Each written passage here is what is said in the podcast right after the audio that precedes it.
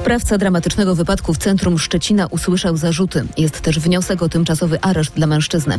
Tak ciepło w lutym w Tatrach i w Zakopanem nie było od ponad wieku. Tak naprawdę przenieśliśmy się do innej strefy klimatycznej. Twierdzą zakopiańscy meteorolodzy.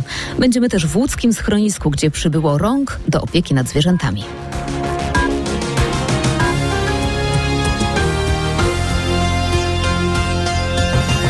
Są zarzuty dla sprawcy wypadku w centrum Szczecina. 33-letni mężczyzna, który wczoraj po południu rozpędzonym autem wjechał w grupę pieszych, a potem w czasie ucieczki uszkodził samochody osobowe, został przesłuchany. Prokuratura wystąpiła z wnioskiem do sądu o tymczasowy areszt dla sprawcy wypadku.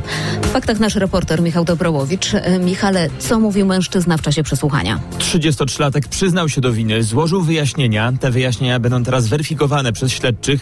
Mężczyzna usłyszał w sumie cztery zarzuty. Odpowie za katastrofy w ruchu lądowym, za usiłowanie zabójstwa wielu osób, za ucieczkę z miejsca zdarzenia i za spowodowanie obrażeń. W szczecińskich szpitalach jest wciąż 20 osób poszkodowanych w tym wypadku. Wojewoda zachodniopomorski Adam Rudawski przed chwilą podał, że są w wieku od 5 do 62 lat. Wśród tych osób jest sześcioro dzieci.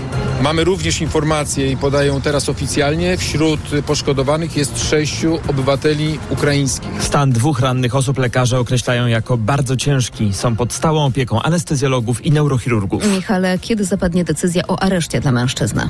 Prawdopodobnie w ciągu najbliższej godziny trwa posiedzenie szczecińskiego sądu właśnie w tej sprawie. Mężczyźnie grozi dożywocie, a na razie wszystko wskazuje na to, że 33-latek jeszcze dzisiaj trafi do aresztu na trzy miesiące.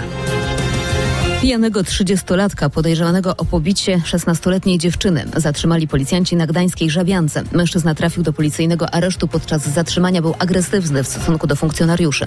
16-latka również była pod wpływem alkoholu. Nie miała obrażeń, jednak została przewieziona do szpitala. Policjanci powiadomili o sprawie jej rodziców. Podrożały bilety wstępu do Tatrzańskiego Parku Narodowego. Od nowego miesiąca turyści za jednodniową wejściówkę płacą 10 zł, czyli o złotówkę więcej. Cena ulgowego biletu to 5 zł. Opłaty pomagają sfinansować obsługę mobilnych toalet, pokrywają koszty sprzątania i remontów szlaków. 15% wpływów jest przekazywane na działalność ratowniczą Tatrzańskiego Ochotniczego Pogotowia Ratunkowego. Miniony luty w Zakopanem i w Tatrach był najcieplejszy w ponad stuletniej historii pomiarów. Jego średnia temperatura była wyższa o niemal 8 stopni od tak zwanej średniej wieloletniej. To rekord i to rekord, którego chyba nikt się nie spodziewał, mówi szef Zakopiańskiego Instytutu Meteorologii i Gospodarki Wodnej Paweł Paszuchowski. Z nami wyjątkowy luty, ekstremalnie ciepły, niespotykany do tej pory skali pomiarowej, która już trwa ponad 100 lat w Zakopanem, a wysoko w Tatrach od 1938 roku. Bazując na takiej średniej wieloletniej możemy obliczyć anomalię dodatnią, która miała miejsce w ostatnim miesiącu. Ona przekroczyła 7,7 stopnia. Jest to wartość ogromna, w skali klimatu wręcz niespotykana. Tak naprawdę przenieśliśmy się do innej strefy klimatycznej. Jeżeli dodać do tego, że tak naprawdę w lutym Zakopanym nie wystąpił ani jeden dzień z całodobowym mrozem, no to, już się robi ekstremalna sytuacja. W poniedziałek zakopiańskie termometry mają pokazać nawet 12 stopni Celsjusza. Fakty z Łódzkiego. Ponad 30 nowych wolontariuszy zgłosiło się do pracy w łódzkim schronisku dla zwierząt.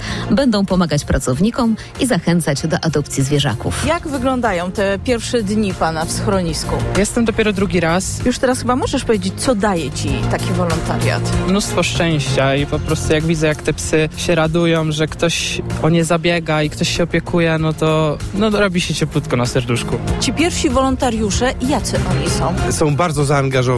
Wzruszył mnie dziś jakiś młody człowiek, który zatrzymał i powiedział: Boże, to w Łodzi jest schronisko? To ja też chcę być wolontariuszem, bo ja nie mogę mieć psa w domu. No więc tacy ludzie też się zdarzają. Jak pani często bywa w schronisku? Raz w tygodniu przychodzę na 5-6 godzin. Moja praca polega na socjalizowaniu psów z człowiekiem, zapoznawaniem go z y, bodźcami zewnętrznymi, a także danie mu możliwości wybiegania się.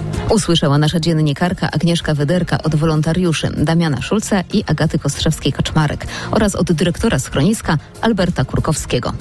A za godzinę w faktach przeniesiemy się do miejsca, które jest rajem miłośników planszówek. Można tam zagrać w ponad tysiąc gier. Radio, muzyka, fakty. RMF FM.